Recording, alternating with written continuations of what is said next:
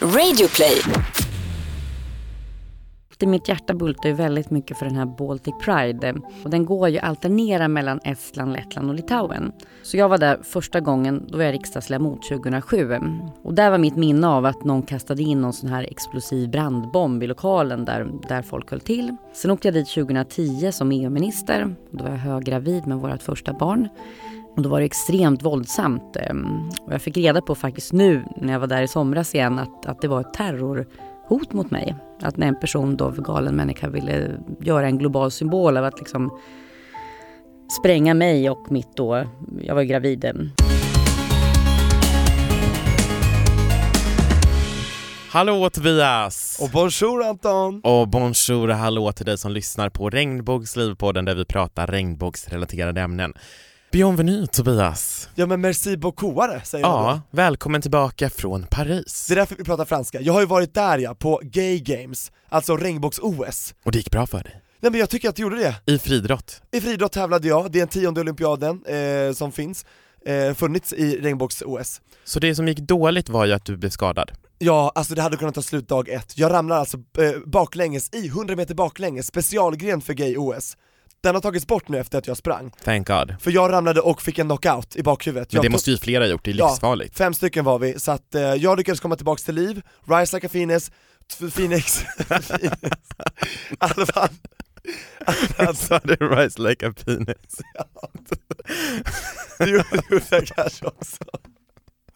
I alla fall alltså, jag tog i alla fall fem guld, tre silver, ett brons och jag har fått vänner för livet, minne för livet och Anton, jag är mer taggad än någonsin på att fortsätta tävla för alla våra mänskliga rättigheter, det var det som var så fantastiskt tycker jag, att vi tävlade under regnbågsflagg Just och det. gick i bräschen för hur jag tycker sportvärlden ska vara. Ingen diskriminering, alla får vara med oavsett kön, läggning, kategori, oavsett. Fantastiskt, och så ska det vara överallt. Det är det jag menar, så att vi, regnbågs-OS är en fantastisk fin Ja. grej och jag ser fram emot nästa mästerskap. Och det är många som undrar så här, varför behövs ett regnbågs-OS eller varför behövs det ens eh, i klubbar? Men då tänker jag så att så länge som alla inte kan känna sig trygga i alla idrottsföreningar så behövs det ju faktiskt sådana arenor, eller hur? Absolut Anton, och någonting jag tycker var väldigt så här, äkta och väldigt drabbade mig hårt, det var folk som som kom från Ryssland eh, och andra länder där det är väldigt, väldigt hård, eh, hårt klimat för hbtq-personer. Ja, afrikanska länder också. Exakt, det var Mm. många som hade fått ett, ett stipendium från eh, regnbågs-OS, de delar ut sådana till de som inte riktigt kan betala. Precis, och det är bland annat sånt som dina anmälningsavgifter går till. Exakt, och de, de här människorna, de måste alltså när de åker hem, de får inte säga vad de har varit på, de måste gömma sina medaljer för där står det ju Gay Games Champion. Förstår du inte? De kan inte ens visa vad de har gjort, de får inte ens berätta. Och här kan jag sitta i vår podd och säga hur stolt jag är över det vi har gjort eh, tillsammans. Så att man märker verkligen att det är lång väg kvar. Det är, Det är svaret på din fråga, varför behövs det här? Absolut, verkligen. Och vissa vill inte bli taggade i bilder, Exakt. får absolut inte lägga upp någonting för det kan vara ju förenat med livsfara för Precis. personerna. Och jag måste bara tacka för ett bra arrangemang, det var väldigt proffsigt gjort och folk fattade det här, organisationen bakom. Mm. Så att, eh, ja, eh, minnen och vänner för livet och jag ser fram emot framtiden verkligen. Nästa år i Rom. Jajamän, då kör vi Eurogames. Och sen blir det Hongkong. Hongkong därpå. 2022, Jag har koll vet du. Ja, det Nej, inte året därpå men två år efter, ja, just det. fyra år efter. Mm. Fyra år efter, precis. Men vad händer idag? Jag är väldigt taggad på dagens gäst. Alltså vet du, det är jag också, för det är inte vem som helst som ska gästa oss idag. Det är Birgitta Olsson. Och Birgitta klev ju in i politiken som eh, ung, har varit ungdomsförbundsordförande i Liberala ungdomsförbundet, drev tidigt hbtq-frågorna och 2002 så blev hon riksdagsledamot för eh, Folkpartiet som nu heter Liberalerna. Sen blev hon minister år 2010 och var det i fyra års tid under Reinfeldts regering. Och hon var då EU-minister och demokratiminister. Birgitta är också en av mina absolut största förebilder eh, yrkesmässigt, värderingsmässigt och jag tycker verkligen att det är, vi behöver fler som Birgitta Olsson i politiken som vågar driva frågor i ur och i skur. För det är ju väldigt lätt att ha en åsikt när alla håller med. Men det är ju inte lika lätt att göra det när man sitter i ett rum med personer som tycker motsatt. Att då ha det modet och det drivet att kunna säga nej, jag håller inte med och försöka vända på opinionen. Det Mm. är hon fantastiskt duktig på. Jag håller helt med. Så jag tycker att vi tar in henne i studion. Ja, men det gör vi. Så här kommer vår tidigare EU och demokratiminister Birgitta Olsson.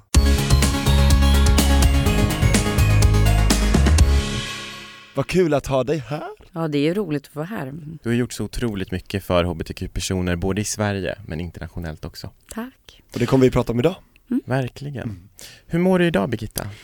Jo, men jag mår ganska bra. Jag är ju lite i flytttagen för att eh, lämna landet och flytta till England så att man befinner sig mellan liksom dammiga gamla böcker och kartonger som ska ner i väskor. Så att det, är, det är lite så här förväntningar i luften och något nytt kapitel i ens liv. Ja. Av vilken anledning flyttar du? Nej, vi ska flytta till Oxford um, nu här för att min man ska undervisa och eller forska framförallt på ett universitet i, i Oxford och så ska jag driva lite företag tänkte jag och göra lite andra roliga uppdrag. Grattis! Tack! Mm. Du blev ju utsedd till Årets hetero på QX-galan, visst var det 2011? Stämmer korrekt. Och sen så har ju du också självklart invigningstalat på Stockholm Pride, andra Pride-parader och du har marscherat både i Sverige och utomlands. Mm. Hur blev det så? Jag tror att de här frågorna väcktes nog ganska tidigt hos mig faktiskt. Ehm, Jag kommer ihåg så första gången där jag liksom blev, blev lite privat engagerad. ehm, Det fanns en beryktad amerikansk eh, såpa på 80-talet som hette Dynastin. Nu är ni för unga för att ha sett den. Dynasty, det känner. Dynasty, ja. Och då var det faktiskt en karaktär där, det var en av de första kan man säga öppna karaktärerna som hette Steven. Och jag reagerade så, jag var väl, gick väl i lågstadiet, men jag reagerade på hur, hur illa behandlad han blev. Och hur hans liksom, mm, föräldrar skulle omvända honom och skickade honom till kvinnliga prostituerade. Nej, men det var pressade honom liksom för att han skulle hitta en flickvän och hur olycklig han var. Och sen så kände jag ju lite äldre jag blev hur mm, man märkte kanske att en del klasskamrater inte riktigt trivdes eh, med sina liv för att det var någonting som skavde. Så att eh, jag blev nog en, en liten aktivist i hbtq-frågorna innan jag blev politiskt aktiv och engagerad. Och din politiska Mm. bana, när började den? Jag kommer ju från ett hem med, med föräldrar som är ja, men liberalt sinnade och så. Även om de inte var så jätteengagerade politiskt sett när jag växte upp. Eh, Men jag fick väldigt mycket med mig hemifrån. Jag menar att man ska vara solidarisk, tolerant, öppen. Så att det på något sätt liksom bäddade in min personlighet. Sen engagerade jag mig först eh, egentligen när jag började på universitetet efter gymnasiet när jag hade fyllt 19. Och sen gick det ju jättesnabbt. Jag blev ordförande för Liberalernas ungdomsförbund eh, fem år senare, 1999. Och, eh, då var ju Sverige ett väldigt annorlunda samhälle också i hbtq-frågorna. Och jag tycker det är jätteviktigt att förstå att eh, de reformer idag som vi tar för givet, att eh, hbtq-personer kan gifta sig på lika villkor, att vi har adoption, samkönade äktenskap, insemination för lesbiska och ensamstående kvinnor. Det fanns ju inte då. Så att alla viktiga reformer har kommit egentligen de senaste 15-20 åren. Men då var ju den stora frågan då som var en jättedebatt i samhället, det var ju om, om då homosexuella skulle få adoptera barn. Eh, och det var, det var något som skar genom samhället och eh, jag tog den här frågan ganska snart eh, för den handlade om så mycket om värderingar för mig. Och många tyckte att varför lägga ner så mycket tid på en fråga som rör så få människor? Men den sa ju så himla mycket om liberalism och tolerans, att bli betraktad för den man är. Och på den här tiden, eh, när man Adoptionscentrum var helt motståndare. Eh, de flesta riksdagspartier var totalt motståndare. Det var ett enormt, alltså kompakt motstånd. Så fick man ju också känna liksom det här med att man hamnar i hetluften och får liksom en del kyrkliga ledare mot sig. Och, mm, jag var ju liksom med på varenda debattprogram nästan och tog strid och fick också samtidigt väldigt varma vänner. Så att de här frågorna, det handlar väldigt mycket om mänskliga rättigheter för mig. Och jag minns när jag var, var ganska ny, då var det en, en manlig liberal riksdagsledamot som sa till mig att eh, det kommer gå bättre för dig i politiken om du slutar prata om underlivsfrågor så mycket. För att jag höll på liksom med eh, hbtq-personers rättigheter, eh, sexuell och reproduktiv hälsa och jag blev så liksom fly förbannad för att eh, det är ju människorättsfrågor för mig. Ja han förminskar det till underlivsfrågor, det är väldigt märkligt. Ja absolut. Nej, men det, det är det man säger, ingen skulle ju säga så idag Nej. egentligen. Det skulle vara kanske ytter ytterkantspartier. Just det. Vilket visar också hur Sverige har förändrats på ett jättefint sätt. Och det är jag glad över att få varit med och satt en liten pusselbit. Exakt. Jag, jag tänker på den här eh, resan som, som har gått i samhället med hbtq-frågor. Eh, var det din reflektion från att du klev in i politiken till idag, hur debattklimat och liknande har förändrats? Jag tror att politik funkar väldigt mycket så att när, när ett samhällsfenomen eller någonting blir vanligare Eh, då är det många människor som kanske är i grunden ganska fega makthavare som hakar på. Det är väldigt få som kanske är som Barbro Westerholm och många som tar ställning liksom tidigt och tydligt och ser att det här är rätt och det här är orätt. Medan många liksom väntar in lite vad opinionen går. Och då har jag också känt ganska mycket i mitt eget parti Liberalerna att, att, ehm, att det är många som det tog väldigt lång tid för dem att komma ut och säga ja, vi ska liksom ha samkönade äktenskap eller ja, vi ska ha adoptioner på lika villkor. Det krävdes liksom att samhället förändrades under tiden. Eh, och, och, det tror jag, så är motståndet. Det funkar väldigt mycket på det sättet. Eh, men det är ju en, det är en fantastisk resa som verkligen Sverige har varit, varit med om. Sen är det ju otroligt mycket kvar. Jag vill att vi ska gå vidare med, med liberaliseringar av värdmödraskap. Det är en fråga som, som jag och Barbro Westerholm återigen var, var typ först ut att lyfta i riksdagen. Det finns väldigt mycket frågor om diskriminering och transpersoners rättigheter. När jag kom in också i politiken då var ju också gayrörelsen handlade ju nästan bara om, om homosexuella män då. Mm.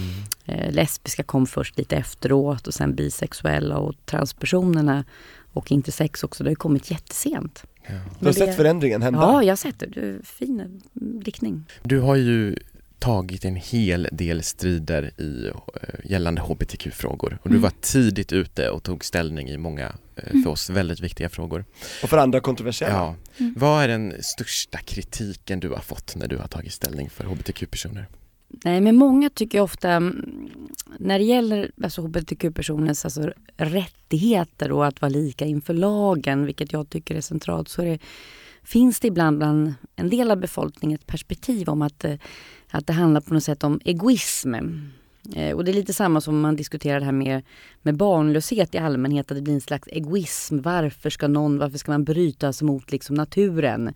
Kommer inga barn, varför ska man hitta nya sätt att få barn? Ni förstår. Mm. Och, och, det har jag väl känt av ganska mycket, ett argument som har varit uppe som jag tycker är väldigt liksom sårande och generaliserande mot eh, gruppen som liksom lever med den här utmaningen.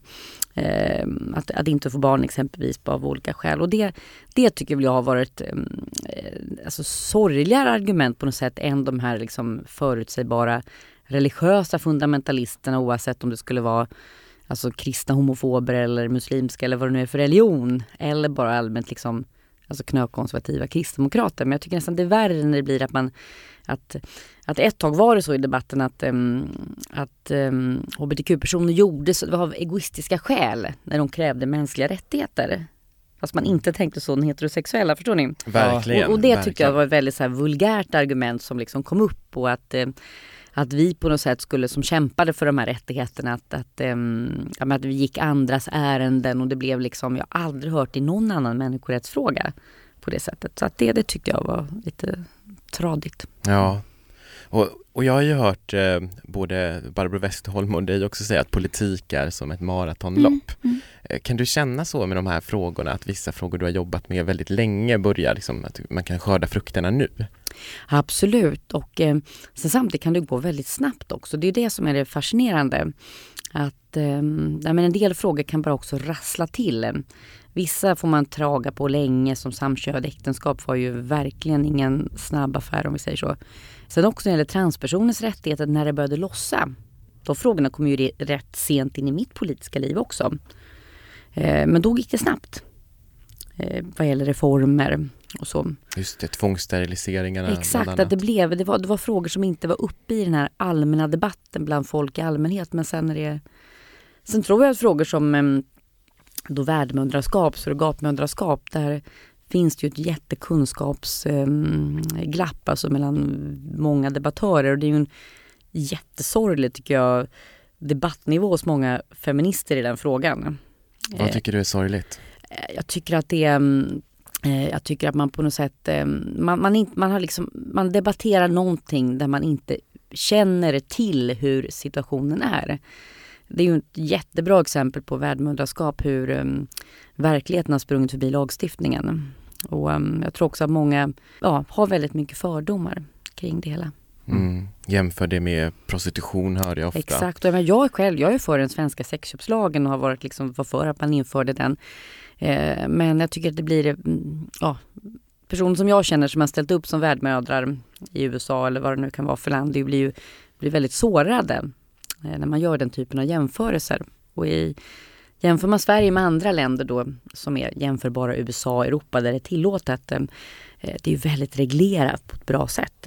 Men i Sverige blir debatten som att det skulle handla om de värsta, värsta exemplen och att det sen skulle bli svensk lagstiftning, vilket är helt absurt. Mm. Så det, det, är en fråga där, där jag tror det kommer ta ett tag innan, innan det händer saker. Just det. Och värdmödraskap kan vi säga för mm. den som inte hört begreppet tidigare innebär ju att man eh, bär ett barn åt någon annan person. Mm. Precis, surrogat eh, som du sa också. Absolut. Mm. Precis. Ett poddtips från Podplay. I fallen jag aldrig glömmer djupdyker Hasse Aro i arbetet bakom några av Sveriges mest uppseendeväckande brottsutredningar går vi in med hemlig telefonavlyssning och, och då upplever vi att vi får en total förändring av hans beteende. Vad är det som händer nu? Vem är det som läcker? Och så säger han att jag är kriminell, jag har varit kriminell i hela mitt liv men att mörda ett barn, där går min gräns. Nya säsongen av Fallen jag aldrig glömmer på Podplay. Eh, jag tänker på eh, Pride-parader, det är ju Pride-tider i luften i Sverige inte mm. minst. Och Exakt, du... vi gick ju Pride-paraden i Stockholm för ett par veckor sedan ja. och nu ska vi ju snart gå i Göteborg också. Precis. Och du har ju gått eh, många, många mm. Pride-parader i Sverige och utomlands och bland annat har du gått en del som minister. Mm. Har du något särskilt minne från någon Pride-parad? Åh, jättemånga. Och jag kan väl säga så här att ibland kan det kännas som att eh, när man fått se en Pride-parad utvecklas under flera år, då blir man väldigt glad om det har gått i rätt riktning. Och då, jag har alltid, mitt hjärta bultar ju väldigt mycket för den här Baltic Pride. Och den går ju alternera mellan Estland, Lettland och Litauen. Så jag var där första gången, då var jag riksdagsledamot 2007 i, då, i Vilnius, Litauens huvudstad. Och där var mitt minne av att någon kastade in någon sån här explosiv brandbomb i lokalen där, där folk höll till. Sen åkte jag dit 2010 som EU-minister. Då var jag höggravid med vårt första barn. Ehm, och då var det extremt våldsamt. Ehm, och jag fick reda på faktiskt nu när jag var där i somras igen att, att det var ett terror hot mot mig. Att när en person då, galen människa, ville göra en global symbol av att liksom spränga mig och mitt då, jag var gravid, eh, för att liksom få en global symbol för att människor skulle avskräckas för att kämpa liksom för HBT, hbtq-personers rättigheter. Så det var ju väldigt sådär Oj, lite som en sån Anna Lind Ja men ville göra absolut. Ja, och jag, jag, hade inte fått detaljerna då riktigt utan bara att, att nu för berätta fick jag höra liksom, bakgrunden till det hela. Oj, och, och sen, kanske lika bra att du inte visste det då? Ja kanske. det var kanske, jag visste att det var ett hot men inte så detaljerat. Men då kände jag mycket när jag fick frågan av journalister, varför går du dit? Liksom, du är gravid, ditt första barn. Och då sa jag så här, men jag vill ju att min dotter ska växa upp i ett samhälle eh, mm. där det är fullkomligt självklart att människor får välja sina liv själva. Då måste jag ju stå för det. Mm. Och jag är jätteglad över att den här flickan nu, Stella som är åtta år, hon frågade mig häromdagen och såg en gammal dokumentär så här, hon, om, om, om hur, hur hbtq-personer diskrimineras. Och då sa hon så här, men hon var helt så här, hon var chockerad. Liksom, fanns det en tid då våra grannar, Aron och Len, inte kunde gifta sig? Ja, men det var liksom, det var helt jag bara, det var inte många år sedan. Nej, Nej men det är så här, och det är så här, barnen som växer upp idag, många är ju jätte, det är så självklart. Ja. Och sen var jag där 2013 också och då var det väldigt magnifikt. Eh, för då fick vi gå på den här Gediminas avenyn som är paradgatan i Vilnius. Och det var folk som kastade ägg på oss, en av mina livvakter blev skadad och det var väldigt våldsamt liksom. Fick du ägg på dig? Alltså? Ja, jag fick ägg på mig men det är inte så farligt, det är bra, det är bra för håret. men, protein. Protein. Nej men det var ändå väldigt mäktigt att få vara liksom i stan, att få liksom känna att den tillhör oss lika mycket som typ gamla nazister som alltid får demonstrera där. Mm. Och så var jag också där, jag tog en liten avstickare till Riga i somras också för att vara med. På... Och det är Lettland va? Det är Lettland. Och det var helt, det var också, då hade jag, jag behövde inte ha livvaktsskydd. Eh, eh, de flesta liksom nordiska ambassadörer hade med sina småbarn i barnvagnar. Det var, det var några rökbomber på slutet men det är inget farligt. Så liksom, de har liksom, kommit lite längre där eller? Ja absolut, men hela det har hänt så mycket och det är så kul att ha fått följa liksom en rörelse. Mm. Och också de är så duktiga och det, jag tycker de här aktivisterna också, de är väldigt bra för att de kämpar ju liksom inte bara för minoriteter, för hbtq-personer utan de är som en slags spjutspets för demokratin i de här länderna. För de står för det här moderna, det samhälle som många av oss vill ha. Mm. Så de är så viktiga. Ja men verkligen, det är jättehäftigt. Å ena sidan så går det ju framåt på mm. så många platser. Verkligen. Eh, sen så har vi ju, om vi kollar i Sverige, det är ju mm. jättemycket som går bra, men jag blir också orolig Mm. med, när vi tänker till exempel NMR, så det finns ju hot Verkligen. som också växer. Absolut. Vad tror du att vi kan och behöver göra för att eh, Bekämpa det här. Ja, nej med det så måste ju liksom alla anständiga partier ha, liksom, alltså, ha en enad front i de här frågorna. Att, att vi accepterar inte extremism, vi accepterar inte den här formen av intolerans. Det här är ju rörelser som, som eh, vill avskaffa demokratin.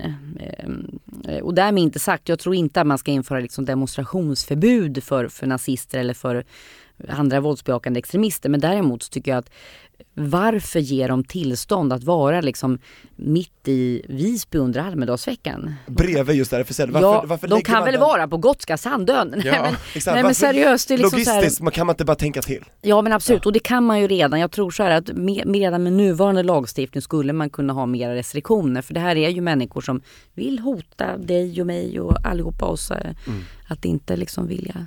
Och sen också bara internationellt också. Jag tycker att eh, det kan vara också viktigt att förstå att länder kan ju också ha, ett och samma land kan ju ha både det här jätteliberala och det jätteinskränkta. Och jag tänker mycket på, på Israel, ett land som jag besökt mycket genom åren. Och, och där har man ju liksom Tel Avivs Pride. Det- Tel Aviv är ju liksom en gayhuvudstad som är fantastisk med liksom öppenheten och blandningen av olika människor. Men sen har man ju också Jerusalem Pride, eh, där en person blev, eh, blev huggen till döds för inte många år sedan av en fundamentalist, religiös fundamentalist. Och jag gick själv i den paraden 2005. Och då var det också, det var samma person som faktiskt dödade för några år sedan som gick redan då. Sen hamnade han i fängelse mellan män som högg personer då med knivar. Så det finns ju, kan vara en kontrast också. Och därför är det viktigt att man hela tiden, man får liksom inte slappna av. Utan man måste förstå att man måste återerövra och erövra, försvara demokratin. Och jag tror faktiskt att många tyvärr tar det lite för givet att man tänker att de striderna som är vunna är vunna och att nu är det så. Men jag tror att jag ser jättestor risk i att vi, många i, i vår generation inte engagerar sig politiskt för att vi tänker att mycket är redan vunnet. Exakt, inget är garanterat ju. Men vi kan ju Nej. förlora allting. Ja. Absolut. Och det är ju en stark vind nu med, med nej men främlingsfientliga och populistiska partier. Och de är ju inte bara mm, alltså, mot invandring och, eller har en eh, gammeldags syn på kvinnors rättigheter. Utan de gillar ju inte minoriteters frihet och definitivt inte mm, hbtq-personers frihet. Så att det, det är viktigt att vara på sin vakt. Att eh, verkligen eh, stå upp för de här värderingarna. Framförallt nu när det är ett valår också. Ja. Sannerligen. Men jag tänker också på, nu, ni vet ju vad som hände i Orlando för Mm. några år sedan. Bara en sån händelse gjort Dödsskjutningen på klubben Ja ja. Mm. precis, på i nattklubben Pulse. Bara, bara en sån grej har ju gjort att eh, enormt många hbtq-personer tänker till innan de går ut på en gayklubb till exempel. Mm. Eh, och det är Det är tragiskt. verkligen, verkligen. Så här, jag ska gå ut och klubba, då måste jag fara för, för mitt liv. Det är Ja. hemskt Jag har faktiskt aldrig fått så många frågor inför årets, eh, som inför årets Prideparad om säkerhet. Mm. Att är det tryggt att gå i Prideparaden? Mm. Och det är ju mycket det här NMRs eh, frammarsch. Mm. Och andra extremister också ska vi säga. Exakt. Ja, Mm, på alla, båda höger och vänstersidor som Verkligen, och det var ju inte så himla många år sedan som vi faktiskt hade en, en attack Mm. för, med, med högerextrema som eh, attackerade en, en kille som jag känner personligen. Just det, Mm. Ja. just det. Det är jättesorgligt. Är det. Och samtidigt är det ju också otroligt, ehm, det är ju sån fröjd att få se både liksom när West Pride är och när Stockholm Pride är, att det är såna familjefester, att det är Ja. som en stor, så är det ju inte i många länder. Ibland kan man ju gå liksom i en parad och det är helt folktomt. Det, är- Mm. det är inte liksom att den kantas av jag var faktiskt i Hongkongs Pride för några år sedan. Jag gick inte i den utan jag tittade, studerade den. Eh, och det var så härligt för jag såg inte en enda polis. Eh, däremot såg jag um, otroligt, varenda företag hade sin sektion i paraden och mm, muslimska kvinnor med slöja stod där och he- hejade med regnbåg. Så det var liksom hela samhället, liksom, den muslimska Wow. befolkningen, den kinesiska befolkningen, västerlänningar som bor där. Alla var liksom så här, det här är vårt gemensamma projekt. Vad speciellt. Ja exakt, och inte en enda polis vad vi såg liksom när vi, det var ju härligt. Det Verkligen. låter väldigt oturbulent alltså. Verkligen. Ja. Ja. Här. Gud vad härligt. Mm. Jag tycker att en grej som är så, så härligt med, med Pride-parader i Sverige om vi kollar på eh, så här mindre orter där det typ inte finns många hbtq-personer. Till exempel berättade ju David som var med förra, förra veckas gäst om, han är ordförande för Tornedalen Pride och eh, han bara, men det är ingen som kommer komma till paraden, vi är bara fem stycken här och, och de kom 800 personer. Första året de hade Ja, i en, i en by på 2000 invånare. För att Otroligt. samhället eh, klev fram och var i, allt från ICA-handlaren till eh, Ja folk från Lärarna. hela Norden har jag hört också, de, från Malmö flög folk upp och Ja. de, de ville stötta det här fina initiativet. ja. Och det här fanns ju inte alls eh, när jag engagerade mig politiskt sett, alltså för 25 år sedan. Då, det fanns ju inte, det fanns ju i Stockholm eh, och, så, och några mindre liksom, men- men det var ju inte alls samma utsträckning som idag. Så att det är ju, det växer upp en Pride-parad varenda sekund och minut nästan. Ja, det, man kan aldrig ha för många tycker jag. Nej, nej, nej. Ju mer glädje åt folket. ja, och du Fortsätt. har ju verkligen eh, bidragit till att eh, tända många, eh, många aktivisthjärtan, eh, inte Mm. minst i bland hbtq-frågor. Du är en av mina absolut största förebilder. Tack, tack. Du har tänt några hjärtan i det här rummet redan. Absolut, ja, det, absolut. det är fint. Och Hur många parader har du gått eh, i Oj, S- Jag Stockholm? vet inte. Jag, jag, I Stockholm, jag har egentligen sen, sen, sen Europe Pride var 98 så tror jag att jag missade tror jag, en, en Pride-parad i Stockholm. Men det var för att jag gifte mig den dagen. Så att det var kanske Ah, ett giltigt, okej. giltigt skäl. Och då såg jag såklart till att lägga bröllopet efter paraden så alla av mina vänner som skulle gå i paraden kunde ansluta till vigseln. Men vad häftigt, 20 år av Pride Birgitta. Ja, alltså, ja absolut. Jo. Wow. Och nu börjar ju då ett nytt kapitel Ja. i ditt liv. Mm. Hur ser du på det? jo men det är spännande. Ehm, jag är det tidigare kapitlet stängt, politiken? Ja men nu är, nu, nu, nu är det nog det för ett tag i alla fall. Jag, ehm, nu ska vi bo i England i ett år och sen får vi se vad som händer sen om jag, vi fortsätter ut i världen eller om vi kommer tillbaka. Men jag ska skriva en ny bok ehm, och sen så har jag ett, ett, ett aktiebolag som heter Cash is Queen så jag ska jobba lite via det med lite olika konsultuppdrag och så och sen ska Ska jag faktiskt hinna ägna lite mer tid åt min familj också än vad jag kanske har gjort de senaste åren. Det är viktigt. För den har vuxit va? Ja, två barn har jag Två nu, barn nu. två Mm. flickor. Så att det, och de springer gladeligen runt med sina regnbågsflaggor hela tiden. Ja, mamma Vad dagen. Ja, verkligen. Ja, kul. Nej, men jag tycker det är fint också att se verkligen som sagt den här unga generationen. Eh, Och nu är mina barn uppvuxna med väldigt många av våra vänner som lever i, i samkönade relationer, äktenskap. Men, men det är väldigt fint att se att det, det har hänt någonting och det är på rätt kort tid Mm, Mm. som faktiskt börjar bli mainstream bland svenska unga. Så får det gärna fortsätta. Så ska det fortsätta, yes! Det uppmuntrar vi alltid. Ja men det gör vi. Mm. Och jag tänker eh, på, nu ska vi, är det dags för oss att börja avrunda det här samtalet tyvärr. Det finns så mycket Tyvärr. mer vi vill prata om. Men det får vi göra en, ett annat tillfälle. Ja, du kanske kommer på besök till Sverige, då får vi kanske Då, passa på att ta Absolut, annars får ni sända direkt från Oxford någon gång. Det gör vi. Ja, vi Ja. kommer till dig! Absolut. Men jag tänkte innan vi lämnar varandra för idag så är jag lite nyfiken på vem du tycker att vi borde ha med i podden. Nu ska vi se, det finns ju, det finns ju väldigt eh, många alltså, intressanta personer. Nej men jag kan väl tycka så här att ibland kan det vara intressant att ehm, borra sig ner i de här personernas ehm, tänkande som kanske inte ligger så himla nära i de här frågorna. Så att jag skulle kanske tycka det är intressant att höra någon sån här pastor, eh, men, det finns ju många olika. Fader Bengt, Fader Fredrik. Ja, alltså. nej, men Livets Ord, det finns ju många Ja. de här från Livets Ord, de här som har varit väldigt liksom engagerade och jag har haft många hårda dispyter med dem genom åren men att, eh, ja men det finns ju många från både Livets Ord och Ulf Ekman, nu han väl inte med där, ja kan inte vara så bra exempel men Men, ehm, nej, men det finns ju många, Åke Gren tidigare, ni vet de här, den typen av pastorer. Ja, Stanley Sjöberg vet jag också en, Ja, det vore väl från absolut. Centrumkyrkan, Ja, pingst. ja men absolut. Just det. Ja, men det vore väl intressant att, Ja. att, att, att, lyssna, grilla. Ja, Ställa honom Ja, ni kanske hinner med alla partiledare inför valet också. ja Why not? absolut. Det hade Ja. varit kul om du var en av dem. Ja, det Ja. hade vi Hade vi känt. på. Ja. Det Ja. tycker jag också. Men våran dröm har inte Nej, det kommer ju fler val i framtiden. Den Ja. som lever får se. Mm. Den som lever får se och vi hoppas på att få se dig eh, i en framskjuten position i politiken. Jajamän. Mm. Tack. Ja, tusen tack Birgitta Olsson för att du gästade Regnbågsliv idag. Tack för att jag fick vara med. Ja, och lycka till i England och så ses vi och hörs. Det gör vi. Ja. Happy Pride! Happy, Happy Pride!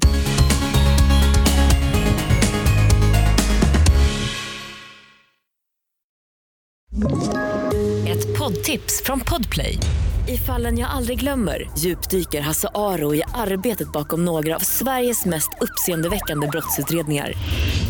Går vi in med hemlig telefonavlyssning och, och då upplever vi att vi får en total förändring av hans beteende. Vad är det som händer nu? Vem är det som läcker? Och så säger han att jag är kriminell, jag har varit kriminell i hela mitt liv men att mörda ett barn, där går min gräns. Nya säsongen av Fallen jag aldrig glömmer på Podplay.